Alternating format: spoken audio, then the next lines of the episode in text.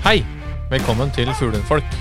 Norges første og største podkast om fuglehunder og folka bak.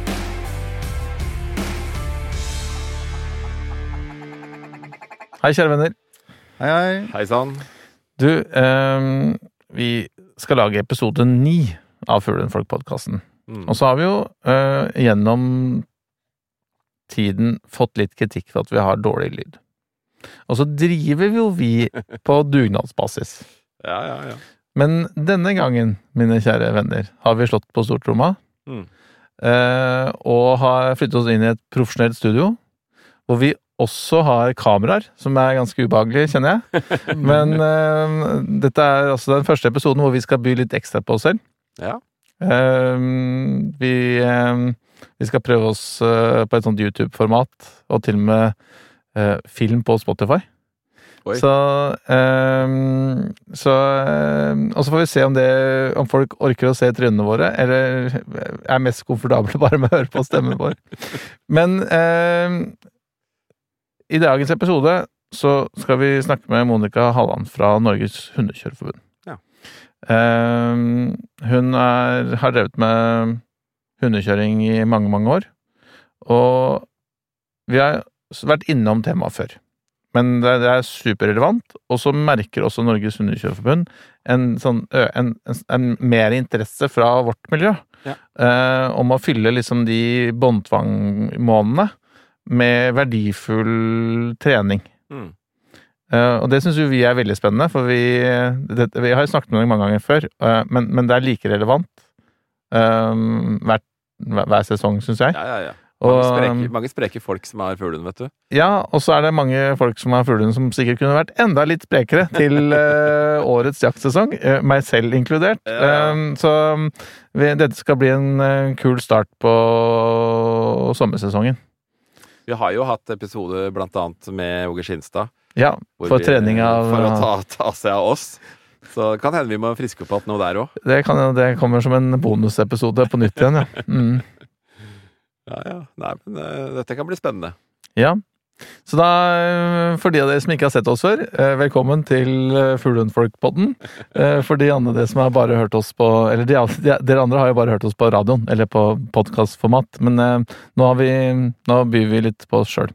Og så skal vi veldig snart, etter jinglen, invitere Monica inn i studio. Så skal hun få lov til å fortelle litt mer om seg selv, og ikke minst om hvordan vi skal få mest mulig ut av treningen av hund gjennom sommeren. Ja, det blir spennende. Gjør du ikke det? Gleder oss. Skal vi kjøre jingle, da? Det gjør vi. Yes! Yes, yes. Skal vi danse da, når den Ja, mens jingeren går, så danser vi.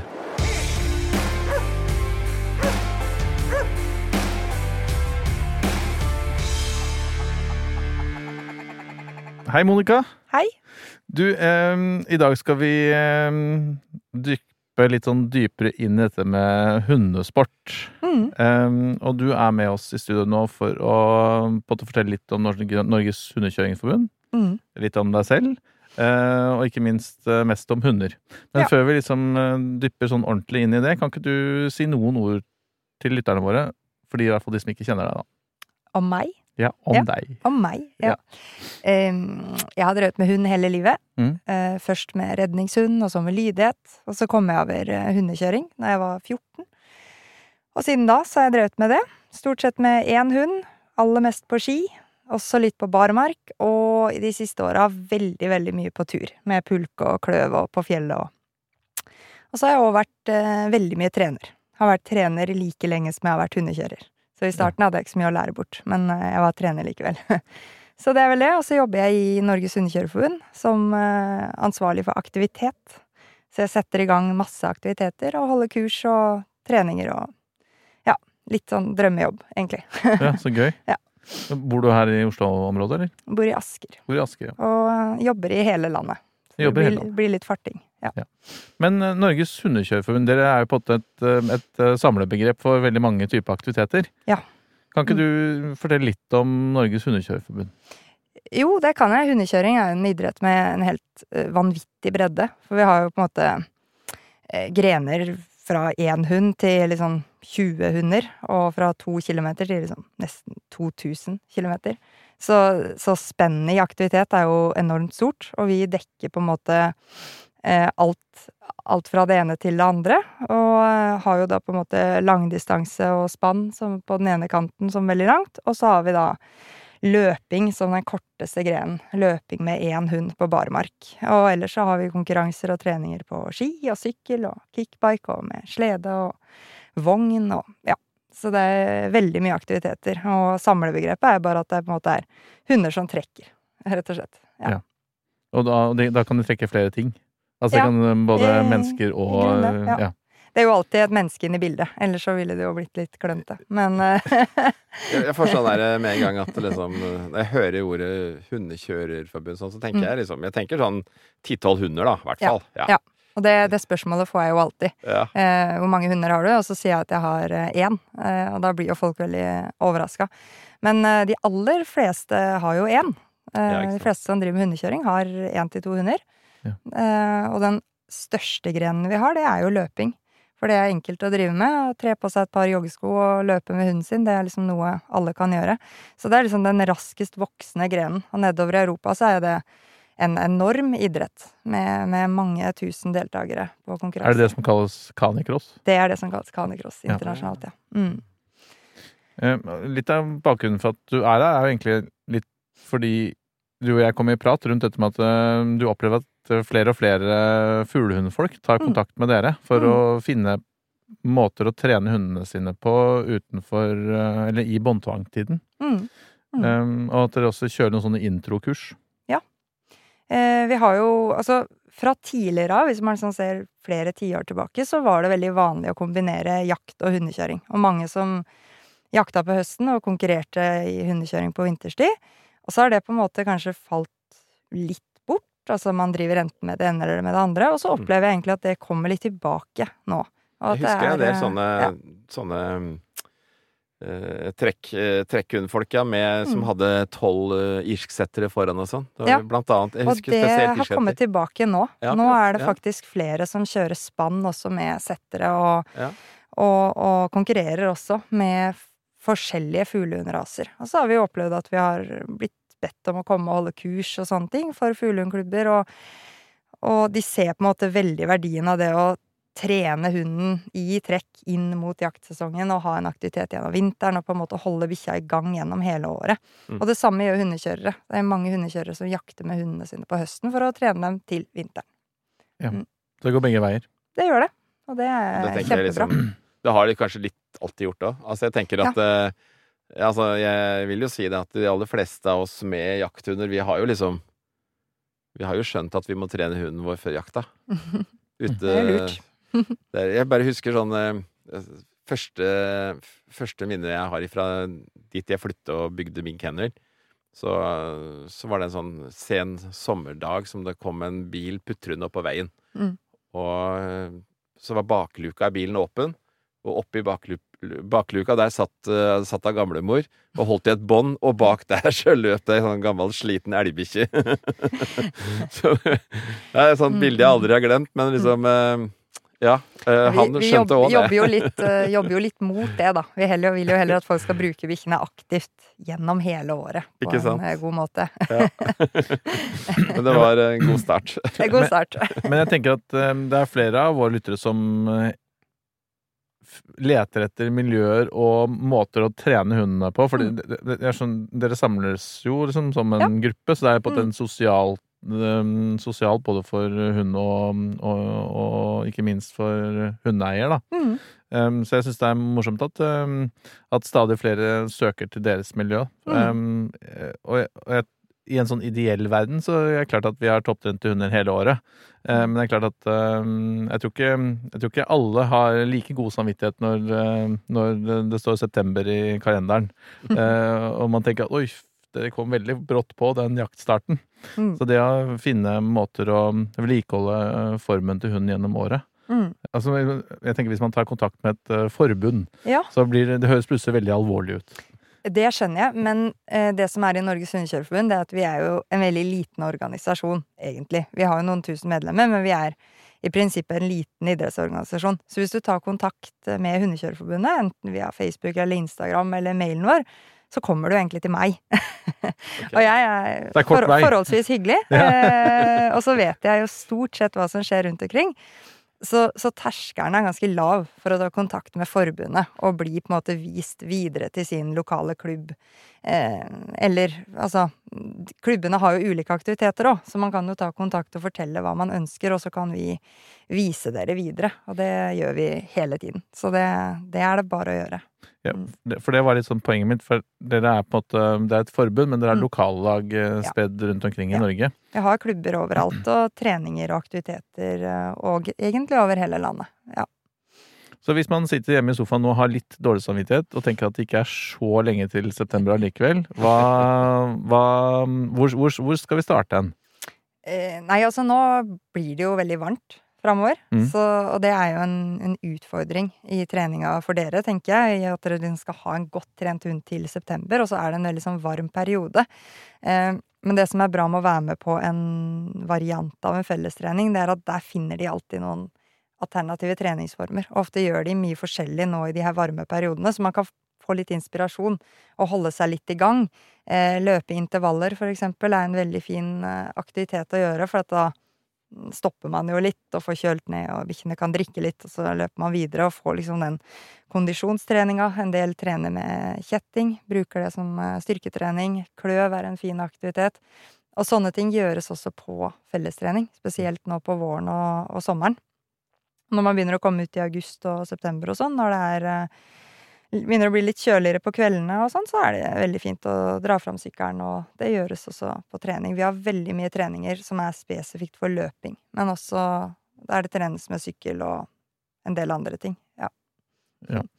Rotete svar, men ja. Ja, ja, men jeg tenker jeg skal pirke, fortsette å pirke litt i det, fordi ehm, hvis man um, For det er ikke sikkert det er bare hunden som ikke har um, er helt i toppform. Og liksom, hva slags nivå tenker man, tenker man Altså, er, er det på et tilbud for alle? Er det sånn at man Ja. uh, Og vi som Mm. også sliter med, med ribbekiloene siden jul uh, i mai året etter, fortsatt har en plass hos dere, liksom? Jeg, jeg vil egentlig si det, altså. Mm. Det er eh, Vi har egentlig et ganske sånn genialt uh, opplegg, vil jeg si. Vi har jo treninger stort sett på alle nivåer. Vi har på en måte treninger som er rene sånn satstreninger, på en måte. Og så er det klubber som satser veldig høyt på spann, og som har sine opplegg. Og så har vi sånn så lavterskel som du kan få det. Vi har på en måte klubber som arrangerer gåturer, ikke sant. Det er vanskelig å ikke passe inn på en gåtur i marka med hunden sin.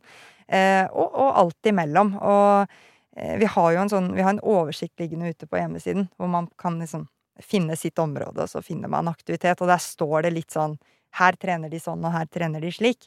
Eh, men som sagt, man kan også kontakte oss, og så veileder vi dere videre. Men de aller fleste grupper er jo trenere selv også. Vi, vi klarer å på en måte tilpasse til alle. Ofte deler vi litt i grupper hvis noen har lyst til å løpe fort, eh, trene hardere. Eh, så kan de løpe litt foran, og så løper vi litt intervaller og møtes i pausene. Og vi, vi klarer egentlig ganske godt å tilrettelegge for at alle får trent der de er, da. Mm. det er ingen krav til grunnform, sånn i Nei, det, det, skri, det skriver jeg på alle mine invitasjoner. Så skriver jeg ingen krav til form, type hund eller forkunnskaper. pleier jeg å skrive. Og det stemmer ganske godt, altså. Men øh, hvis man skal komme litt forberedt Ja. eh, hva, hva bør man tenke på sånn i forhold til eh, seg selv og Mm. utstyr og hunden? Det kommer jo selvfølgelig an på hvilken trening man vil være med på. Men jeg tenker at vi har Hvis du tenker eh, nybegynner. Hvis du tenker nybegynnernivå, ja.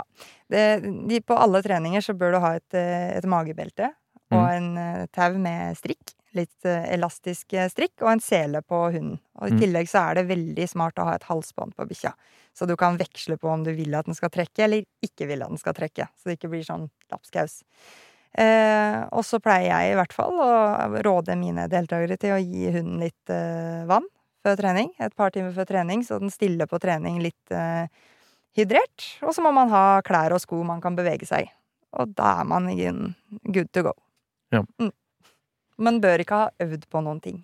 Det, er ikke, det øver man på på trening, så det er helt Ja. greit. Det høres ja. ut som terskelen ligger um, skremmende lavt. ja, det er og at, vanskelig å eh, ikke bli med. Ja, Unnskyldningene begynner å bli tynne etter Jeg hvert. Jeg hører at du prøver å finne en unnskyldning, Ja, ja, ja, men, men ikke finner den. Men det gjør jeg på vegne av lytterne våre, ikke, ikke, jeg for, ikke for min egen del.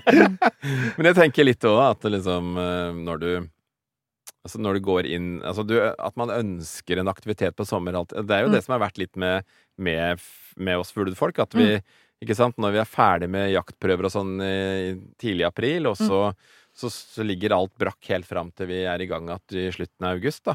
Ja. Og det, da tenker jeg, nå har vi jo fått Vi driver jo Det er mer og mer populært med, med kombinertprøver, sånn apportprøver. Mm. Og så tenker jeg at eh, folk sikkert òg ønsker kanskje å konkurrere med hund på andre ting, og at, Ja. at ja, man har en, eh, en forster, for eksempel, da, eller Mm. en annen fuglehund som er eh, glad i å løpe. Mm. Så hvorfor ikke prøve å prestere der òg, da? Absolutt. Og det er jo, som- vi snakka om i stad, veldig kombinerbart. Mm. Eh, og så er det jo også sånn at eh, bare sånn for å ta bort alle de unnskyldningene dere liker å komme med, så er det Vi har Når du også sier vi, så tenker du de andre, ikke sant? Ja, ja. Mm.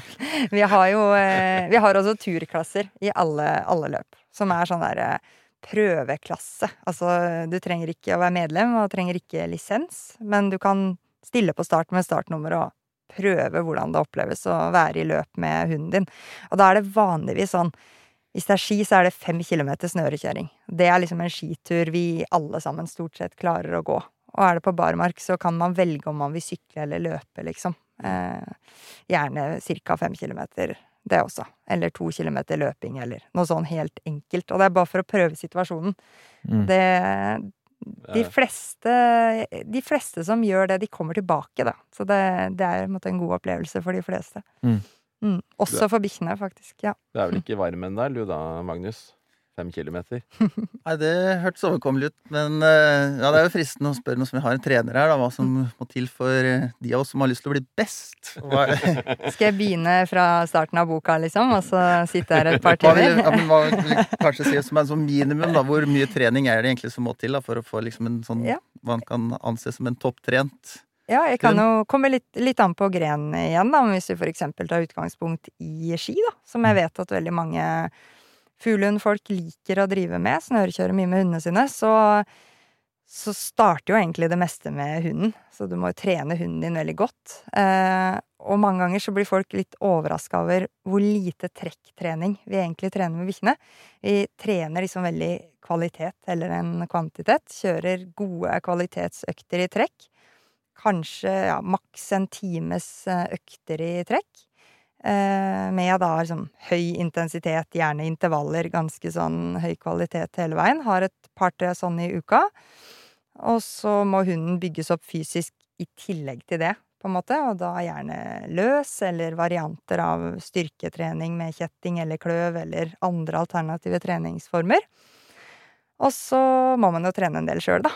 Så det, det blir noen timer på, på løpetur i marka og på rulleski eh, i motbakke og, og sånne ting. Så ja, det vil si totalt en 14 til 17 treningstimer i uka, kanskje. Og da har man noen timer som er spesifikt hund, og noen timer som er spesifikt kjører, og noen man kombinerer. Hvis du løper deg en tre timers rolig langkjøring i marka, og hunden løper løs, så har på en måte begge fått en god økt, da. Mm. For eksempel. Mm. Og så, ja. Det var liksom den fysiske biten, da. Ja. Men gjør dere noen tanker om eh, sånn å spisse og toppe formen som de snakker om for sånne toppidrettsutøvere mot eh, Ja. dere som konkurrerer, liksom? Ja. Så dere har Gjør, uh, gjør det. Uh, kjører mye sånn grunntrening gjennom høsten. Altså vedlikeholdstrening gjennom våren og sommeren. Og så er det jo på en måte en oppbygging av fysisk form gjennom, uh, gjennom høsten. Og så trapper vi gjerne litt ned på trening inn mot de løpene man vil. Det er jo noe med at når du trener hund, så må du liksom veie motivasjon opp mot fysisk form hele tida. Det, det hjelper ikke å trene masse, masse, masse masse timer, og så er bikkja knallgod form, men den syns dette er dritkjedelig. For da går det ikke fort likevel. Eh, så det der å liksom trappe litt ned og få litt overskudd, og samtidig litt sånn motivasjonsboost, at den trekken er veldig gøy, det, det må vi liksom hele tida ha med oss, da. Og det gjør vi kanskje litt ekstra inn mot løp, hvor du vil ha den ekstra piffen, da. Mm. Mm. Nei, bare, vi sier det jo liksom på jakthunder, som, Mm. som uh, jakthunder med høy jaktlyst, og, høy, ja, og i det ligger jo og høy motivasjon. Så det er veldig dårlig gjort å ikke ha den veldig godt trent Ja, før de- den skal i, ut i sesong, da. Det, det er helt, helt sant, og det, det snakker jo vi mye om òg. At Mm. det er mange som på en måte sier at ja, men bikkja regulerer seg sjøl, og Ja. slipper den løs og tar den det litt med ro hvis den trenger det. Men det gjør de jo ikke. Nei. Hvis de vil løpe, så løper de. Om de så har brekt en tå eller er Mm. overoppheta eller hva det måtte være. De vil på en måte bare springe og ha det gøy. Mm. Så vi, det er jo vi som må sørge for at formen er på plass. Mm. Jeg, jeg tenker det, Monica, er en veldig fin innledning til det andre temaet som jeg hadde tenkt vi skulle snakke om. Og det er um, Jeg tror vi som driver med fuglehunder, har veldig veldig mye å lære av dere i forhold til dette med øh, vanning, Mm. øh, fòring, øh, det å følge med på hunden. Mm. Og, og se liksom om, om hunden er sliten, utslitt. Mm. Um, og ikke minst dette med potepleie, negler, Mm. muskelskader etc., etc. Mm. Um, jeg vet det er en veldig lang innledning til, til temaet, men, men, men hvis vi kunne liksom tatt for oss hver av disse elementene, da. Um, så det kunne vært gøy å høre liksom dine erfaringer og ikke minst eh, tips og råd underveis. da. Hvis jeg skal huske den rekkefølgen du sa nå, så Jeg skal jeg skal hjelpe, du må hjelpe meg litt på veien. Ja. Vi kan jo begynne med Du var innom dette nå vi, Helgen har jo vært et godt eksempel veldig Mm. mange steder i landet at eh, sommeren er på vei. Ja. Um, det gjør at um, vanning på at det blir et eh, tema. Ja. Og ikke minst dette å drive på at fysisk trening når det er, um, når det er høy temperatur, da. Mm. Du var litt innom det, selvfølgelig. Ehm, altså det med vann, det er noe hundekjørere har vært veldig opptatt av i mange, mange år. Uh, og når jeg har holdt kurs for, for både fuglehundklubber og andre hundeklubber, så liksom, liksom bestemmer du når bikkja skal drikke. Hvordan får du til det? Eh, men det er så enkelt som at hunden veit ikke at den skal ut på en treningsøkt eh, om et par timer. Så den vet ikke at den bør gå og drikke litt vann og være hydrert. Så, så vi, vi blander noe godt i vannet. Eh, gjerne et par timer, i hvert fall. Eh, ikke noe under et par timer, men liksom litt, litt før det. Eh, for å få de til å drikke. Jeg har en hund som veier Altså to timer eller mer. Ja, Ikke ti timer før, men liksom noe i tidsrommet to to-tre timer. Ja. to, timer der, da. Ja. Em, jeg har jo en stor hund. Han er ja, rett under 40 kilo, tenker jeg. Og han drikker gjerne fort halvannen liter vann før, eh, før trening. Og det jeg ser på for eksempel på han, da, hvis jeg veier han før og etter et løp, da, for eksempel et 10 kilometers løp, så går han med ca. en halv kilo i løpet av et løp. Og det er bare vann. Mm. Så bikkjene forbruker ganske mye vann når de trener. Så at de er hydrert før trening, det er det mange som opplever at da får bikkjene veldig mye bedre velvære på trening, og, og presterer også veldig mye bedre. Fordi de får ikke det derre jag etter å spise snø, eller finne bekker å drikke av, eller sånne ting. For de detter liksom aldri ned på den, det nivået der, da. Så det er vann. Jeg, tenker, jeg vet at liksom, vi i fuglehundverden, vi er vi er veldig eh, Vi er livredd for sånn som mavedreining og sånne Mm. ting. Veldig opptatt av dette her med at vi eh, at, at vi skal minimere mulighetene for sånne ting, da. Og Mm. tenker at vi Ja. To timer før er sikkert en bra sak. Og, Mm. liksom, hva, hvordan er deres erfaringer på sånne, sånne ting? Jo, vi er jo opptatt av det samme. eh, og gir jo Fòrer jo ikke noe mye mat før trening. Og skal jeg kjøre et løp, så er det ganske mange timer fra fòring til hunden skal gå løp. Mm. At liksom næringen er godt tatt opp i kroppen. Og vi har jo sett eksempler på at det har gått mange timer hvor en hund har kasta opp tørrfôr, og så er det jo nesten ikke brutt ned. Mm. Så, så Og mat, det klarer på en måte bikkjene å lagre næring. Klarer de å lagre i kroppen ganske lenge. Mm. Eh, mens vann går jo mye fortere gjennom. Så hvis jeg gir hunden min vann eh, to timer før trening, og jeg kommer på en måte på parkeringen og skal ut og trene, så tisser han ganske mye. Eh, så da tenker jeg på en måte at da har det gått eh, ganske greit gjennom kroppen. Og så ser jeg jo på hunden min om han på en måte Du ser jo litt om måte magen er full av mat og vann, eller om det på en måte har gått eh, litt gjennom, da. Eh, og så må man hele tida følge godt med på bikkja underveis som Ja. Tenker, ja, kanskje litt òg den derre Når vi er inne på urinen her, så Mm, kikker du jo og ser litt om det er lyst Ja. eller mørkt og litt sånne ting. Du ser om det er vi. liksom Ja. Det er masse der. Det er sånn man etter hvert bare gjør eh, Ja, det automatisk. Ja. Men det er de, det er de tinga som folk eh, ja, kanskje ikke vet, da. Mm. Men, eh, og som vi, som vi har drevet på en stund, vet. også. Mm. Men så tenker vi at det er Ja, men det vet alle. Ja. Ikke sant? Man altså, gjør ikke å si nødvendigvis det. ja. Eh, Så jeg følger iallfall uh, alltid med på det. Jeg har ikke lyst til å dra en hund ut på en hard treningsøkt hvis den tisser mørkegult, Nei, på en måte. Da tenker jeg da er den ikke klar for å trene. Men da, men da mm, Hvis vi tar det samtidig, da. Mm. Etterpå, liksom. Hvor lang tid lar du det gå da før du gir noe mat? Eh, ja, altså ganske fort, Ja. faktisk. Okay. Eh, og så vidt jeg vet, så er det ikke noe sånn kjempemye forskning som sier at det er farlig. Nei. Men det er ganske mye forskning som sier at det gir veldig mye bedre restitusjon. Ja. og hvis man ser på langdistansekjørere og sånne ting, så fòrer jo de både underveis og umiddelbart etter de kommer inn på sjekkpunkt og underveis i etappene sine. Mm. Eh, så hvis jeg har vært ute og trent hardt, da, og hunden min er veldig høy i puls og peser veldig tungt og er liksom sånn, så da går jeg han jo alltid litt ned, uansett. Jeg vil jo at han skal, akkurat som oss, så trenger han jo å gå seg litt ned. Eh, og når han da har gjort det, og ikke peser lenger, og muskulaturen er liksom Han har liksom gått seg litt ned, så får han mat ved bilen før vi drar hjem. Innen 20 minutter etter endt økt får han litt mat og litt vann. Bare for å på en måte få i gang restitusjonsprosessen. Mm. Og så når vi kommer hjem, så får han gjerne liksom, middagen sin til vanlig tid, da. Men det der å få en liten sånn eh, ja, litt mat Og jeg er ingen ernæringsfysiolog, så jeg skal ikke uttale meg altfor mye om nøyaktig Man får jo kjøpt sånne restitusjonsprodukter og sånn, men det viktigste er på en måte at hundene får i seg noe etter trening som gjør at de kommer seg fort opp igjen. Og da reduserer man jo sjansen for skader. For da er hunden bedre restituert til neste trening, ikke sant. Mm. Eh, Bruker du noe tilsetning i vann, eller bruker du noe salter og Jeg har ikke gjort det. Eh, Folk gjør forskjellig, og jeg vet at mange gjør det. mm. Men eh, jeg pleier å gi det bikkja syns er godt. Så, sånt, Ja, sånt, han, det jeg sånt jeg får den til å drikke. Ja. Det er blitt veldig populært, i hvert fall i fuglehundkretser, dette her. Man Mm. kjøper sånne restitusjonssalter. Ja. Sånne poser som man blander ut i en liter vann, og så, Ja. Så gir man det til bikkja, da. For det, da får man eh, ekstra med elektrolytter og styr og Mm. stell som med salter og sånn som Ja. ja. Men det er ikke noe kjenner- dere tenker på. Det kan godt hende noen gjør. Eh, Ja, men det er jo viktig å høre det fra deg, mener jeg. Ja, jeg, jeg gjør ikke det. Jeg vet ikke helt. Hunder svetter jo ikke så på samme måte som oss. Nei. Så jeg er usikker på om det på en måte har så mye for seg. Eh, og det jeg har hørt når jeg har vært på kurs om fòring og sånn, er bare det der at hundene får i seg noe.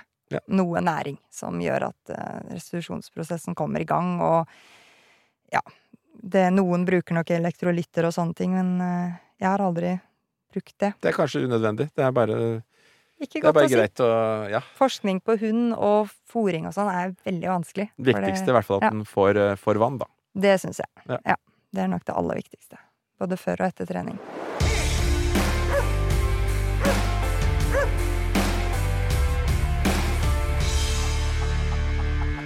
Den andre delen i restitusjonen, du var innom det, men uh, fôring. Du, Mm. du nevnte litt om det at, uh, at, du, uh, at det går, altså du fôrer ikke før trening, Nei, ikke, ikke i det nærmeste tidsrommet, nei.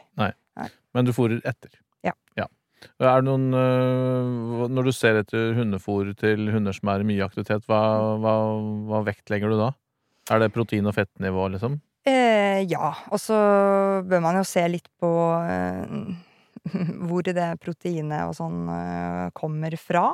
Eh, og så er det Ja, jeg tror noen ganger at det her proteininnholdet kan være litt sånn overdrevet. At Mm. en del tenker at eh, det er bare om å gjøre å ha høyest mulig prosent protein.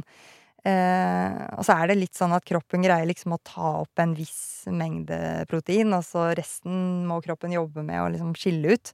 Mm. Så det, det er ikke nødvendigvis sånn at det må være veldig mye protein. Jeg lurer på om det er en 25% rundt det som kanskje kan være fornuftig, uten at jeg er noe, noe forsker på dette her. Eh, og så bør det være ganske høyt fettnivå.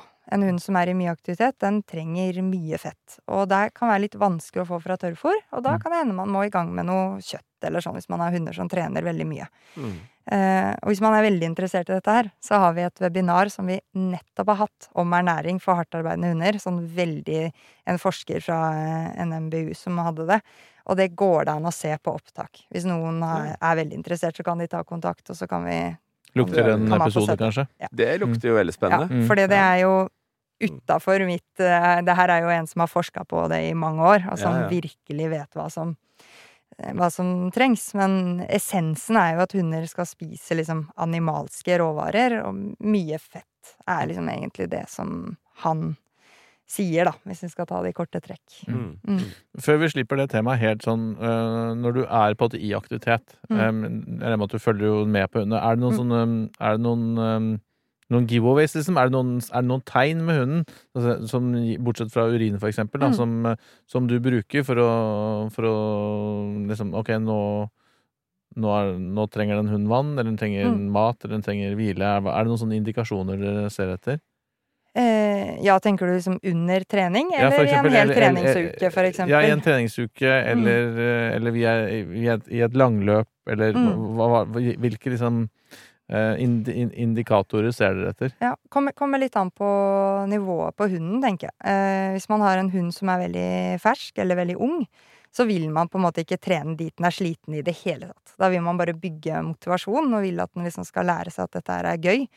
Og da pleier jeg å, å stoppe på en måte på første indikasjon på litt ukonsentrert atferd, på en måte. Eh, fordi jeg vil at han skal liksom lykkes hele veien, og at det skal gå liksom veldig bra alltid. Så hvis jeg ser at liksom på en ung hund at eh, blikket begynner å vandre litt, og konsentrasjonen begynner å fade litt, så liksom sier jeg at eh, ja, men nå stopper vi her og tar en lekepause, eller litt sånn. Jeg skal liksom kjøre på pluss hele tida. Eh, har man en hund som er godt trent, og som går på en måte uansett, så ser man gjerne på Kan se på ganglag, for eksempel. Eh, hvis ganglaget begynner å endre seg, hvis de bytter gangart, kortere steg, sånne ting, da Mm. begynner hunden å bli sliten. Og en godt trent hund som kan jobben sin, den, den vil pushe seg ganske langt. Så når man begynner å se sånne signaler, så er den sannsynligvis ganske sliten. Og da bør man roe ned. Eller i et langløp så vil man stoppe og tilføre litt næring, kanskje. Eh, sånne ting, da. Ja. Mm. Og det, det er jo gjerne sånn vi tenker òg. Ja. Fordi eh, det er akkurat vi eh, snakker en del om mentalitet og hund, hvor viktig liksom god kondisjon Mm. eh, er da i forhold Eller hvor viktig det er i forhold til det med konsentrasjon. Mm. Fordi det er jo mye en fuglehund skal lære om akkurat det jaktmessige, ikke sant? Ja. Og hvis han ikke Hvis han er sliten og trett, så, så klarer han ikke å ta til seg med, særlig mer læring. Så, så, det er, eh, så der henger jo treninga Mm. veldig godt sammen med, med det å lære. Ja, Evnen det- til å lære. Veldig morsomt, egentlig, for når jeg har hatt kurs både for hundeklubber som driver med lydighet og agility, og fuglehundklubber, så, Mm. så sier de alltid det. De drar alltid paralleller mellom de ulike hundesportene hele Ja. veien. For at det, alt er jo trening av hund. Og det er jo mye av de samme prinsippene, bare i en ulik eh, kontekst, da. Mm. Så det er mye som er veldig likt, da. Mm. Mm. Men det Bjørn sier der, er jo litt av hovedgrunnen til at vi bruker såpass mye tid på å snakke om dette temaet. Mm. med kondisjonstrening for hund, fordi eh, en sliten hund eh, fungerer ikke spesielt godt i fjellet, av flere åpenbare grunn, men også fordi, som Bjørn sier, at konsentrasjonen går ned. Mm. Eh, og man klarer liksom ikke å lære av situasjonene hvis, eh, hvis hunden er sliten. Mm. Får ikke noe mer ut av det, liksom. Så da kan man like så godt ta den pausen at du Ja. snakker om å Helt drikke klart. litt og Ja. Ja, få, få slappe av litt og få finne seg sjøl. Mm. Det, det pleier jeg ofte å si. eh, Vi har jo mange som på en måte kommer på trening, og så sier de på en måte at hunden er i nei, dårlig form, da. Jeg går fem kilometer på ski, og de siste to kilometerne så bare henger den bak. Og så sier jeg at den, den er nok ikke nødvendigvis i dårlig form da, men den har på en måte bare lært seg til at uh, det her er ikke noe, noe gøy. Det stopper alltid med at eh, jeg blir hengende bak. Og da har han bare liksom lært seg til det. Så Mm. det, det handler ikke nødvendigvis om dårlig form, men om litt sånn dårlig læring, på et vis, da. Mm. Man må bygge opp på en måte fra bånn av for at bikkjene skal være mottagelige for læring, da, som dere sier. Ja, og de, og de tenker vel litt sånn der 'what's in it for me'? Ja ja, det er jo litt sånn. Så, Så- Fordi jeg har en gammel forster, og Mm. han eh, irriterte meg noe voldsomt fordi han, han ville ikke trekke. Mm. Han eh, lå den, liksom, den eh, holdt på å si akademiske halvmeteren akkurat bak det at det var noe effekt av det. Ja. Men uh, dattera mi har jo drevet med dette her i mange år, og hun har liksom fikk fram litt gleden og lysten til å trekke, da. Mm. Så det er tydelig at eh, Og da var det den liksom what's in it for me. Og da, når det var eh, eh, Hun begynte trekktreninga med at eh, hjemveien, der var det noe godt i vente. Ja. Og Mm. da kom farta, og Mm. da begynte vi å liksom å få litt sånn herre At det var en blomst i andre enden, da. Man må begynne et sted. Ja. Eh, jeg, jeg det er jo en av mine liksom sånn ja, Som jeg er veldig opptatt av å få fram, at det er mange som tror at en Enten så er en hund en trekkhund, eller så er den det liksom ikke. Ja, ikke? Eh, men det kan trenes på lik linje med alt annet. Eh, og, og mange av hundetreningsprinsippene er liksom det, det er hundetrening, Mm. men man må jo lære bikkja det, og man må lære den at dette er gøy. ikke sant? Den må jo skjønne at når, hvis jeg gjør sånn, så får jeg ros, eller jeg får en belønning, eller det må på en måte være noe som hunden lærer at dette er morsomt. Og Mm. det kommer ikke nødvendigvis av seg sjøl. Noen hunder kommer det helt av seg sjøl. Mm. Men andre hunder trenger på en måte å, å lære at dette er morsomt, da. Mm. Og de må lære å forstå oppgaven. Altså, det er masse hunder som stopper å trekke i alle motbakker. Og så sier eieren at eh, den er litt lat. Og så sier jeg, men har du, har du lært den å trekke i motbakker, da? Ja. Eh, nei, jeg har liksom ikke tenkt så nøye på det, da. Og så ser man gjerne da at eh, de som har sånne hunder, de hver gang de skal stoppe, da, så bremser de jo bare til hunden stopper. Og så lærer de egentlig hunden at når det blir tungt, så skal du stoppe. Og da trekker jo ikke bikkja i oppoverbakker, for det er jo tungt. så det er mye sånn som vi ikke tenker over at vi gjør. Ja, Og så ja. egentlig så lærer vi hundene kanskje noe helt annet enn det vi tror, da. Så, men eh, det var det, jeg ble sånn nysgjerrig andre veien. For det, altså jo, Nå er vi allerede på restitusjonen vår her, og vi har vært på litt læring. Vi er jo hopper litt att og fram, da. Det må være lov. Jeg tror det er sånn midt i blinken, jeg. Men hvis vi skal ut på den der treningsturen vår, hva, hva- hva legger du i eh, Jeg tenker på oppvarming. Mm. Er det viktig? Ja, de aller fleste som kjører aktivt, varmer opp. Eh, til og med de som har mange hunder, eh, store spann, varmer opp til en eh, viss grad. Og det er selvfølgelig praktisk mye vanskeligere. Men hvis du kommer på et hundekjøreløp hvor det f.eks. kjøres eh, sprint da, med slede, Mm. så har jo de ofte kan jo ha åtte hunder som skal gå, f.eks. Og de setter opp litt sånn hundegårder rundt bilen. Altså bare lave sånn 60 cm høye gjerder som bikkjene har lært at de ikke skal hoppe over. Eh, og så har de eh, 10-12-14 hunder løpende rundt inni der for å bli litt varme. Og jeg som bare har én til to hunder, jeg går eller jogger litt med de før, før trening. Og for meg er det òg litt sånn at vil jo at hunden min skal Når det er trening, så er vi på.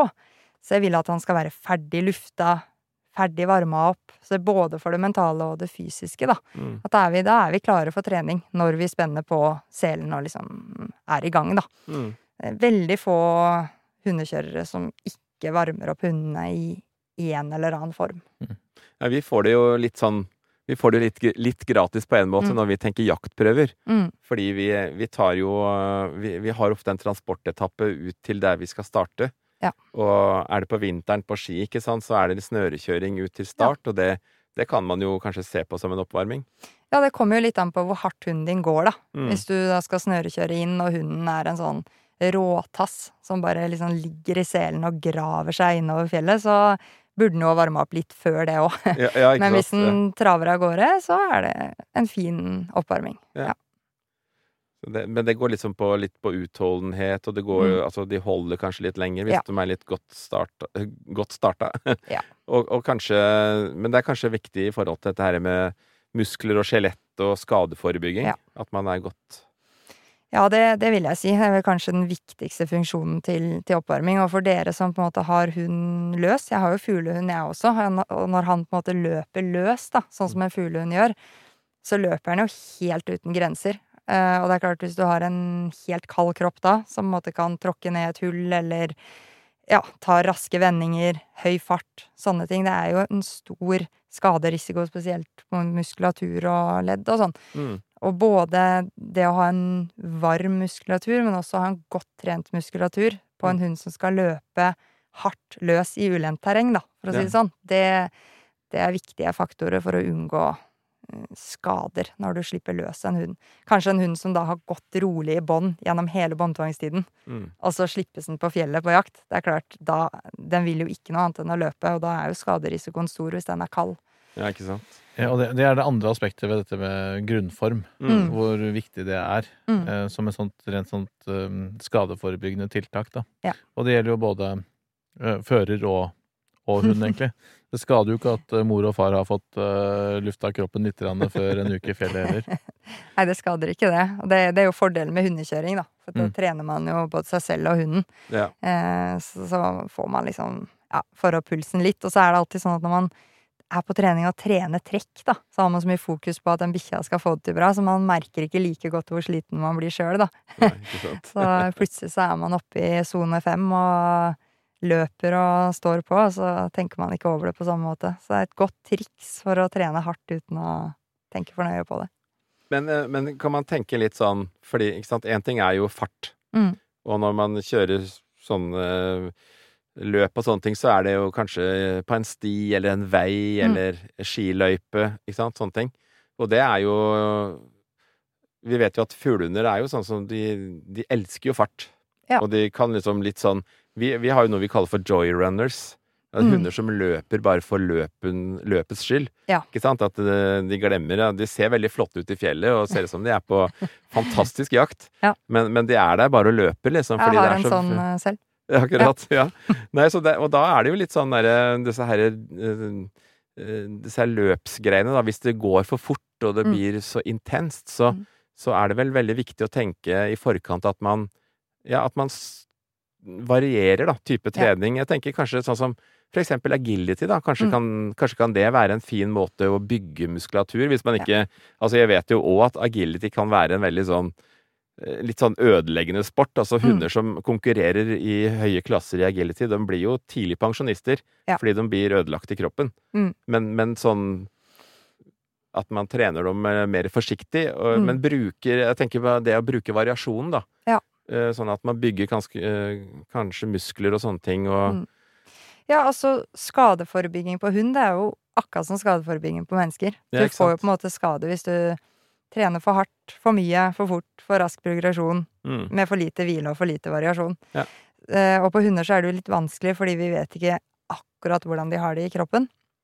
Men å variere så mye som overhodet mulig, mm, eh, og prøve å analysere litt hvor mye man egentlig har variert. Eh, Jeg hadde et kurs nylig hvor jeg hadde oppe diverse bilder av snørekjøring og sykling og løping med hund og litt sånn. Og det ser ut som det er veldig variert, men hunden løper i galopp på alle bildene. Ja. Så det er liksom, hva er det vi egentlig kan variere? Jo, vi kan variere fart, gangart, underlag, eh, type bevegelser. Eh, så kan hundene svømme. Det gjør vi veldig mye på sommeren. Mm. Og de kan gå med kløv. Og når du snakker om, om fart, da, så er jo fart er jo en stor skaderisiko. mm. Både for akutte skader, eh, særlig hvis hunden løper løs. Den kan tråkke over, tråkke feil, sånne ting. Mm. Eh, men også belastningsskader. Eh, gjerne sånn håndledd og skuldre og sånne ting, ikke sant. Og det å trene opp hundens evne til å ta imot det støtet, da, Mm. det er jo en fin jobb å bruke sommeren på, for å si det sånn. Eh, gjerne gjennom å bruke litt kløv, da, er kanskje min favorittreningsform. Mm. Det er nesten som at hunden tar liksom pushups. Da styrker du hele framparten. Og du kan si at en hund som er veldig sterk i bakbeina, i lårmusklene, har mye motor bakfra, og så bare sparker den ifra, og så er det liksom ingen styrke til å ta imot foran, Mm. da blir det stor belastning på framparten. Mm. Så å bruke, bruke sommeren på sånn type mye variasjon eh, Og man kan jo egentlig bare leke med det, som du sier. Bruke agility, trene lydighet. Det er også mange, hvis man har en hund som har større skaderisiko, så kan man trene med type sånn balansepute, sånne ting. Det er jo egentlig bare lek. Det er jo bare moro. Eh, Hundene får brukt hodet sitt. Eh, Mm. samtidig så får de på en måte bygd opp masse støttemuskulatur. Så det er liksom egentlig et hav av ting å variere med hvis man vil og er litt kreativ og sånn. Ja, så jeg tenker at man skal kanskje i hvert fall være litt aktiv i den tankerekka der òg, da. Det syns jeg. At man i hvert fall Mm. liksom på en måte Fordi vi vil ha fart, Og, Mm. og i fuglehundverdenen så har vi et begrep som vi kaller for turboføre, blant annet. Da går det fort. Ja, ja. Da er du på en sånn steinhard skara ikke sant, i fjellet. Du vet jo litt om hvor fort det kan gå da. Ja, da. ja, det er gøy, det. det. er. Det er sånn derre Og på prøver, ikke sant, så kan det være et, På ei prøve kan det være gjennomslagsføre, Ja. og på neste så kan det være turboføre. Og Ja. det at huden da klarer å regulere seg i forhold til fart i Mm. sånne ting, det blir ofte et problem, da. Mm. For da går det litt for fort.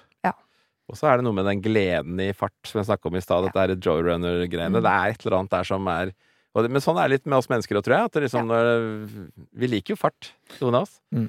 Men det er jo, jeg tror det er jo litt sånn erfaringsbasert, dette. Så det, det handler vel om å være nok ute.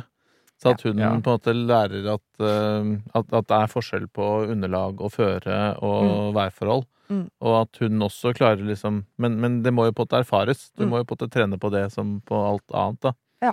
Så det handler vel om å være mer ute, egentlig, da. Jeg ser, jeg ser jo at noen er jo spesielt gode til å takle tungt føre. Mm. Det ser jeg, De har en egen teknikk for å ta seg Mm. fram, og, og, og, og hvor det virkelig er imponerende, da.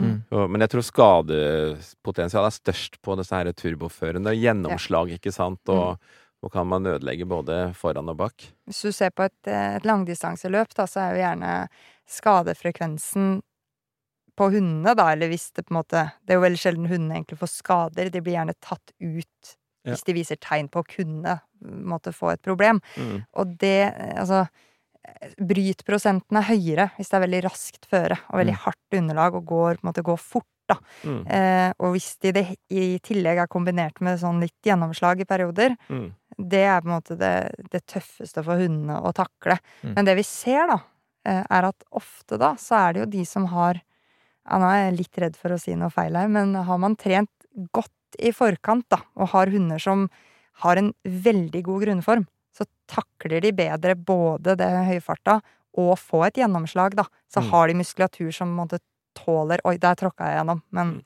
det henta jeg meg innpå. Mm. Så, så eh, si et dårlig trent spann, da, kan komme seg greit gjennom hvis det er liksom perfekte, ideelle forhold. Mm. Men er det, som du sier, veldig hardt, da, og går veldig fort, så, så er det Da tåler bikkjene det bedre hvis de er veldig godt trent i forkant, da. Mm. Men eh, hvordan tenker dere i forhold til alder og sånne typer påvirkninger?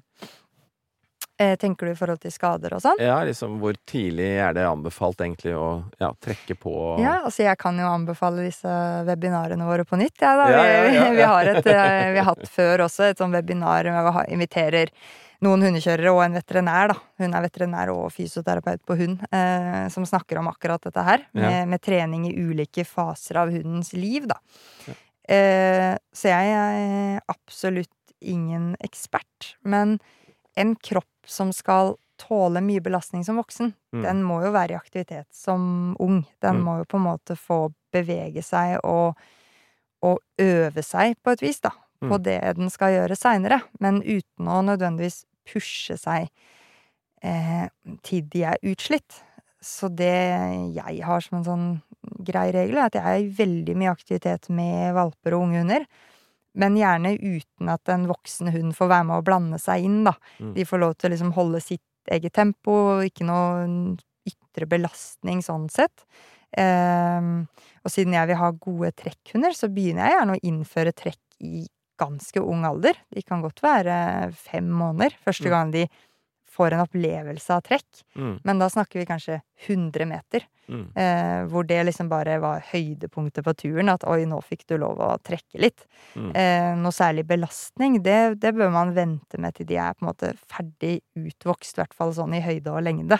Mm. Så ja, litt avhengig av rase, men rundt et år da, så kan de på en måte få bli, bli belasta litt mer. Men eh, jeg kan anbefale det webinaret hvis det er noen av lytterne som er Ja, veldig det er- interessert. Det er Altså, veldig det, akkurat det med belastning er vel et Ja. ganske relativt begrep for mange, så det er mange Ja. som blir livredde med en gang de hører Ja. eh, Å nei, da kan vi ikke gå på tur med bikkja før den er et år omtrent. Men Ja, det, det er jo mye myter ute og går. Ikke sant? Det er dem vi prøver å Ja. feie bort her nå. Ja. Kan si at eh, jeg er veldig lite redd, jeg, for å ha hundene mine i aktivitet. Så jeg har nå en, ti år gammel hund. Eh, han er, veier 40 kilo. Eh, helt fine røntgenbilder på han. Eh, og han har vært mye i aktivitet fra, fra dag én. Eh, og det, er viktig at hundene utsettes for spesielt akkurat som barn, ikke sant. Mye variasjon. Masse forskjellige aktiviteter, forskjellig underlag. Eh, få lov til å bevege seg i ulikt terreng og sånne ting fra ung alder. Og så må man liksom lese hunden sin. Ser man at den begynner å bli sliten, så kanskje den må sitte litt i, i sekken, eller man må sette seg ned og ta en lunsjpause. Mm. Eh, Blei en helt utslitt av gårsdagens tur, så kanskje man må ta en hviledag. Mm. Eh, jeg tror mange hundeeiere de må tørre å stole litt på seg selv også. Se på hunden sin og tenke at eh, man kjenner sin egen hund litt. Um, Mm. Og ja, man trenger ikke å være livredd for å aktivisere en hund også. Nei. Det tror jeg ikke. Men hvis en ser hunden setter seg ned og er tydelig sliten, så er det greit å, greit å avslutte, da. Det Mm. tenker jeg også. Og Ja, sånn med valper og unghunder, sånn ja, Som jeg sa i stad, hvis liksom fokuset begynner å svirre litt, så er det liksom ok, nå begynner du å bli sliten, og det da bør man kanskje ikke utsette dem for så mye læring, i hvert fall. For Nei. da er de egentlig ikke så mottagelige for det. Mm. Som du sa i stad også. Mm. Ja, på dette med underlag. Mm. Trener dere på alle typer underlag, eller er det Ja, Ja. egentlig. Eh, man begrenser kanskje mengden på veldig hardt underlag. mm. Eh, og og, man og det er kjører type asfalt? asfalt eller veldig sånn hardbanka grusvei. Mm. Eh, og man kjører ikke så mye fort på Nei. hardt underlag. I utgangspunktet så kjører vi veldig lite fort. Det kan jeg jo si. Det er mange som tenker at fordi jeg vil ha veldig høy fart på løp, så trener jeg veldig mye fort på trening. Eh, sitter egentlig mye på bremsen og lar hundene jobbe, og så kjører heller sånne korte sekvenser med, med fart innimellom. Kanskje liksom mot slutten som en sånn premie, eller Men eh, trene på alt av underlag, egentlig. Bikkjene må venne seg til det òg. Ja, for det du sier fart og Mm. underlag, da, så tenker jeg jo liksom, ja, eh, løpsform, ikke sant, i Mm. form av trav eller galopp. Mm. Og det er vel fint å trene i trav, og Mm.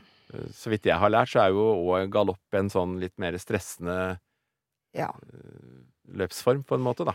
Folk eh, gjør veldig forskjellig. Eh, der er miljøet nesten kan si litt sånn todelt. Okay. Eh, I langdistanse så har du på en måte de kjørerne som er veldig sånn at hundene skal nesten bare gå i trav. For det er det de gjør i veldig mye av på løp.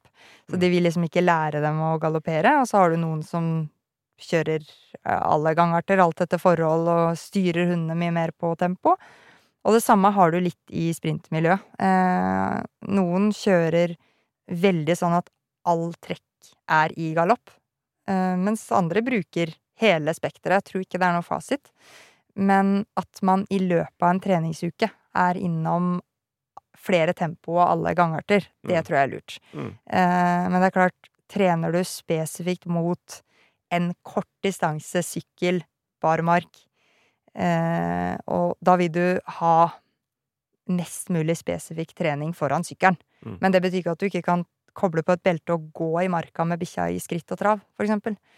Um, Men det er ikke noen sånn regel på hvor mye man liksom belaster med galopp, for eksempel, liksom? At man, eller at man er litt restriktiv med det, eller om man tenker over det som en sånn litt stressende jo, eh, det er det. Jeg, jeg er ikke kjent med at vi har noe sånn veldig sånn regel. Det er det sikkert eh, andre fagpersoner enn meg som kan bedre, men, men eh, det som er med hundene, og spesielt fuglehunder, da, og altså de fleste sprinthundene er jo også fuglehunder opprinnelig, forstere eller forsterblandinger, mm.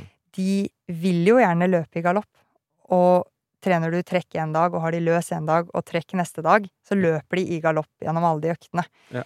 Eh, og det ønsker vi jo gjerne å begrense, fordi Mm. vi veit at da ligger de liksom i sone fire, type. Sone tre, fire. Og hvis du som menneske skal trene til langrenn, så ligger du ikke og har alle øktene dine i den type intensitetssone. Så da må man begrense de, og si at i dag skal vi ta en rolig tur. Du skal jogge på plass, eller gjøre en, en lavere intensitet aktivitet. Og da er det jo gjerne skritt og trav, da. Kan, kan ikke du bare oppsummere kjapt de sonene for de av lytterne våre som ikke har et veldig bevisst forhold til det? Ja, det kan jeg godt gjøre. Eh, altså sone én til to, hvis man ser på mennesker, da, det er sånn pratetempo. Og for en hund så ville det være at den kanskje peser lite grann men den har ingen problem med tempo. Den liksom tusler av gårde og er egentlig helt komfortabel eh, med tempo. Den bruker kroppen. Eh, I sone tre så jobber man jo liksom litt hardere. Man klarer å si en setning, liksom, men man går ikke og, og løper ikke og prater med, med kompisen sin. Eh, og sone fire, det må man på en måte jobbe med seg selv for å holde. Mm. Eh, Da er det fem- lite prat. da er det lite prat. Mm. Da er det intervalløkt-type. Ja. I sone fem, så, så der holder man ikke så lenge. Det er kanskje slutten av intervallene hvor man liksom er oppe i sone fem og har ja, begynner å få litt syre og liksom er skikkelig, skikkelig vondt, da. Men det vi ser på for eksempel eh, Det har gjort en del pulsmåling også på trekkhunder. Og for eksempel i, i nordisk stil, som jeg kjører, da, som foregår mye på ski, så ligger hundene på en måte Kan ligge liksom hele løpet igjennom i, i sone fire og opp i sone fem. De ligger liksom og jobber veldig hardt. Ja. Men fordi de har så høy motivasjon for oppgaven sin, da, så, så ligger de og jobber der. Mm. Og det er klart, da må jo vi være fornuften deres, da. Og Ja, si at ok, i, morgen må vi ta en rolig tur, da. Ja. Og jeg bestemmer at vi skal ta det med ro, for det, det, det bestemmer nok ikke bikkja sjøl. Får den lov, så tar den en økt til, den i den intensiteten. Mm. Men etter en sånn hardøkt hva, mm, Vi var innom restitusjon, men vi snakket Mm. ikke sånn mye om det. Hva, hva, hva er restitusjon? Eh, Rett bortsett fra vanning og fòring. Ja, Det er hvile, egentlig. Hente seg inn igjen. Eh, at kroppen bygger seg opp igjen. Trening funker jo sånn at man bryter ned, og så hviler man seg i litt bedre form. Eh, Jeg har prøvd å hvile meg i form i et par år. Det, Ja. du må trene først. Ja, det er en del av, er en del av oppskriften. Ehm, ja, så, så for hunder da, så er det jo Hva skal man si, ja? Eh, Det er mange, mange som tror at bikkja hviler, men så ligger den midt på stuegulvet, og så er det unger som går over og hit og dit, og kanskje den Sånn som jeg har en rastløs hund, ikke sant. Han kan jo sikkert gå en mil, han innendørs. Hvis ingen sier noe annet, så traver han rundt inne, ikke sant. Så han må liksom få beskjed om at eh, nå må du ligge i senga di og hvile, for ellers så, så blir det ikke noe hvile. Og så trenger de jo, altså er det hardtarbeidende hunder, sånn som både fuglehunder og trekkhunder er, så skal de ha en myk hvileplass. De skal ha behagelig romtemperatur, ikke for kaldt og ikke for varmt. Eh, og de skal få sove i fred. God søvn. Eh, og jeg tenker det er individuelt fra hund til hund. Er det sånn at du har en hund som hvis du legger den i et bur nede i gangen, så står den i buret og stresser. Så hviler ikke den godt. Da kanskje den hviler bedre foran TV-en, så den har oversikt over familien. Mm. Eh, mens en annen hund kanskje trenger å bli skjerma litt. Mm. Men du må, må se på hunden din, må se at den har det komfortabelt og, og hviler, hviler godt. Og, og der har du jo igjen, sånn som dere som drar på jaktprøver og sånn, ikke sant. Har man hunder som er veldig stressa på biltur, Mm. så er ikke sikkert at den har hvilt seg godt i en prøve. Da må man kanskje gjøre noe med transportsituasjonen, eller beregne bedre tid, så hunden får hvilt før jaktprøven, da, hvis man har mulighet til det. Det ser man jo i trekkhundmiljøet òg, at uh, der har du jo noen hunder som faktisk Sånn som min egen hund, han, han sover så godt når vi kjører bil, at det er en god restitusjonsform for han. Mm. Mens andre må beregne og ha en dag å hvile seg på, på en måte, da. Mm. Ja, ja. Nei. Jeg tenker Vi skal kjøre en bitte liten jingle, og så når vi kommer tilbake etterpå, så skal vi snakke litt om eh, poter, potepleie og litt sånn muskelmassasje. og Den type ting som jeg vet dere er veldig flinke til å gjøre. Mm. Så kjører vi en liten jingle.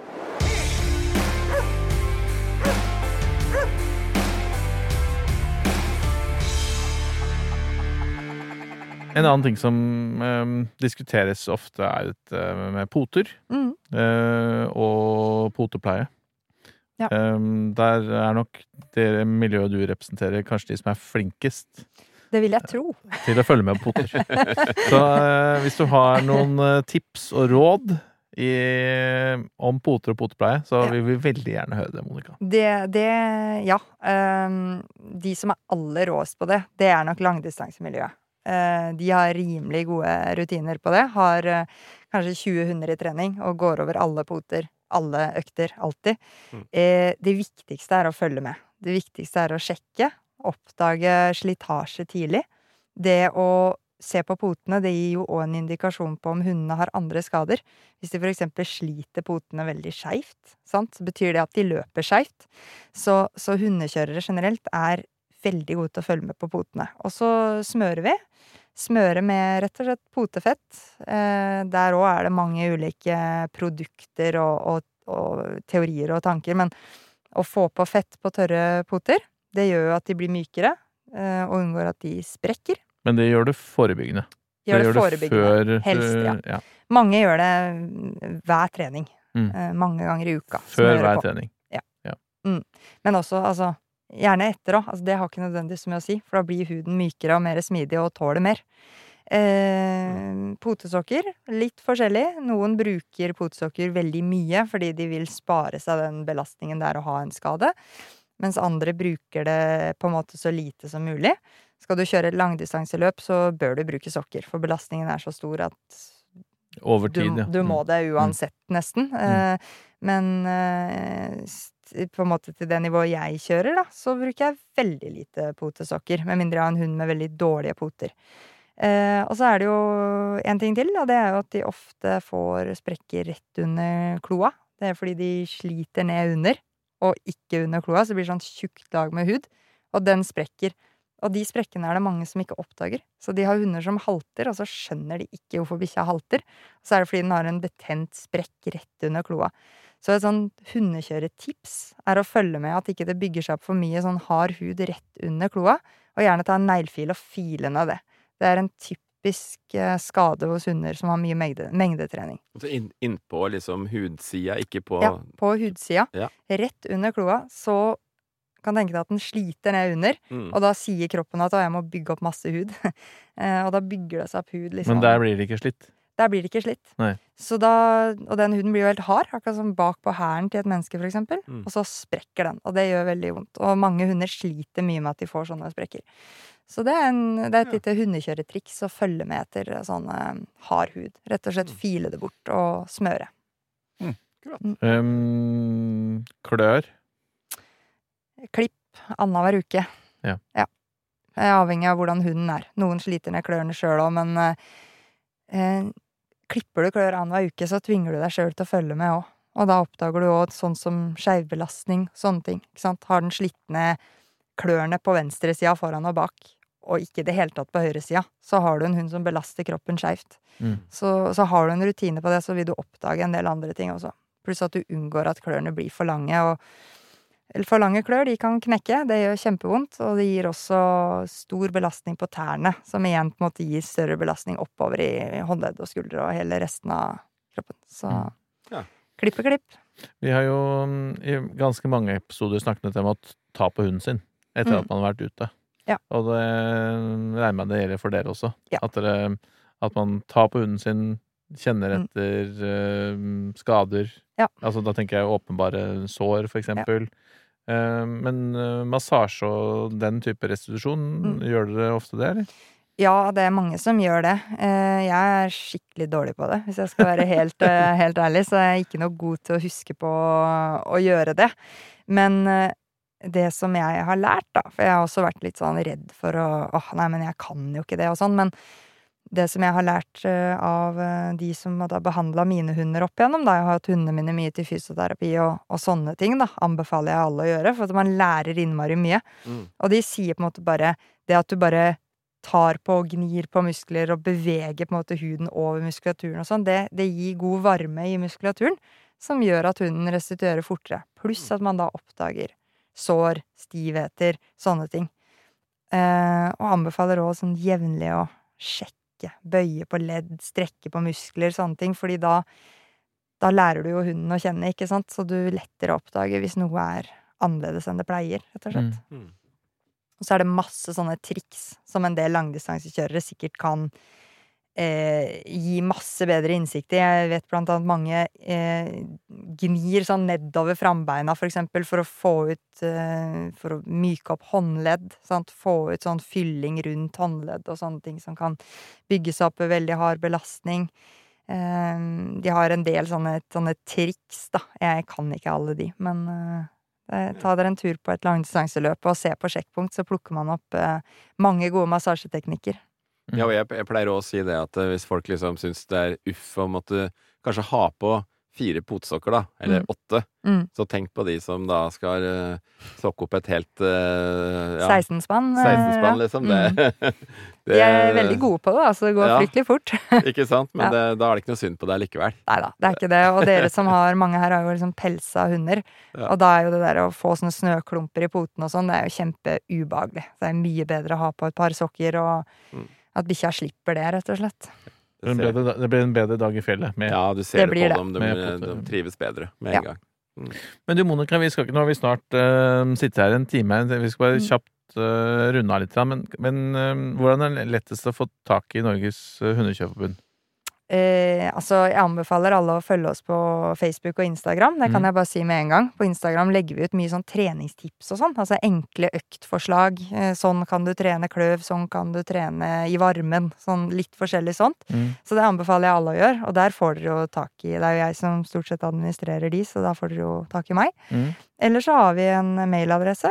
Post at zedog.no. Mm. Send en mail dit, så kan jeg vise dere videre til lokal klubb eller Som jeg sa i stad, jeg svarer på masse spørsmål da, om hvordan kan jeg trene hunden min, og jeg sliter med passeringer og, og så videre og så videre.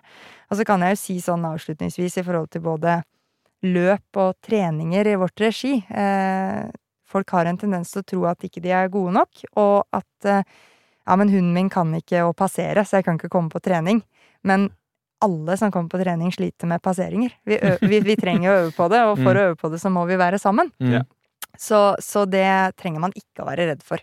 Kom på trening, øv på det du trenger å øve på, og er man i dårlig form, så får man rusle bak med baktroppen. Det er lov, det òg. Ja, ja, ja. Ja. Og så har vi lekt med tanken om å kanskje ha et, et felleskurs sammen. Ja. Så det, det kommer vi tilbake til. Det må vi få til. Ja. Ja, Men eh, Monica, tusen, tusen takk for tiden din. Mm. Um, det var veldig hyggelig å ha deg i studio. Og um, det er mulig vi skulle ta tak i den eh, episoden, eller den, eh, den, det, det andre kurset du snakket om. Ja. Kanskje gjøre en episode av det. Det har vært spennende. Og, Mm. og dette med dette med fôring er jo, og mat er jo noe som diskuteres i, i, i ikke bare i hundekjøringsmiljøet, men også Nett. eh, i jakthundmiljøet. Så det tror jeg kunne vært en, en veldig veldig spennende episode. Ja, Absolutt. Det kommer vi tilbake til. Mm. Til alle våre kjære lyttere, tusen takk for at dere har brukt en uh, liten time sammen med oss. Mm. Og så høres vi snart igjen. Det gjør vi da. Ha det bra! Ha det! Ha det. Ha det.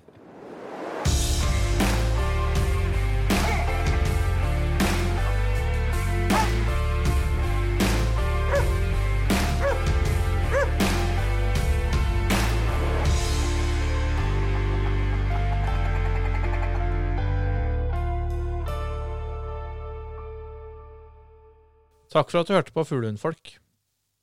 Følg oss gjerne på Facebook eller Instagram. Her kan du komme med spørsmål, eller dele tips og råd du tror at vi andre kan ha nytte av. Vi høres!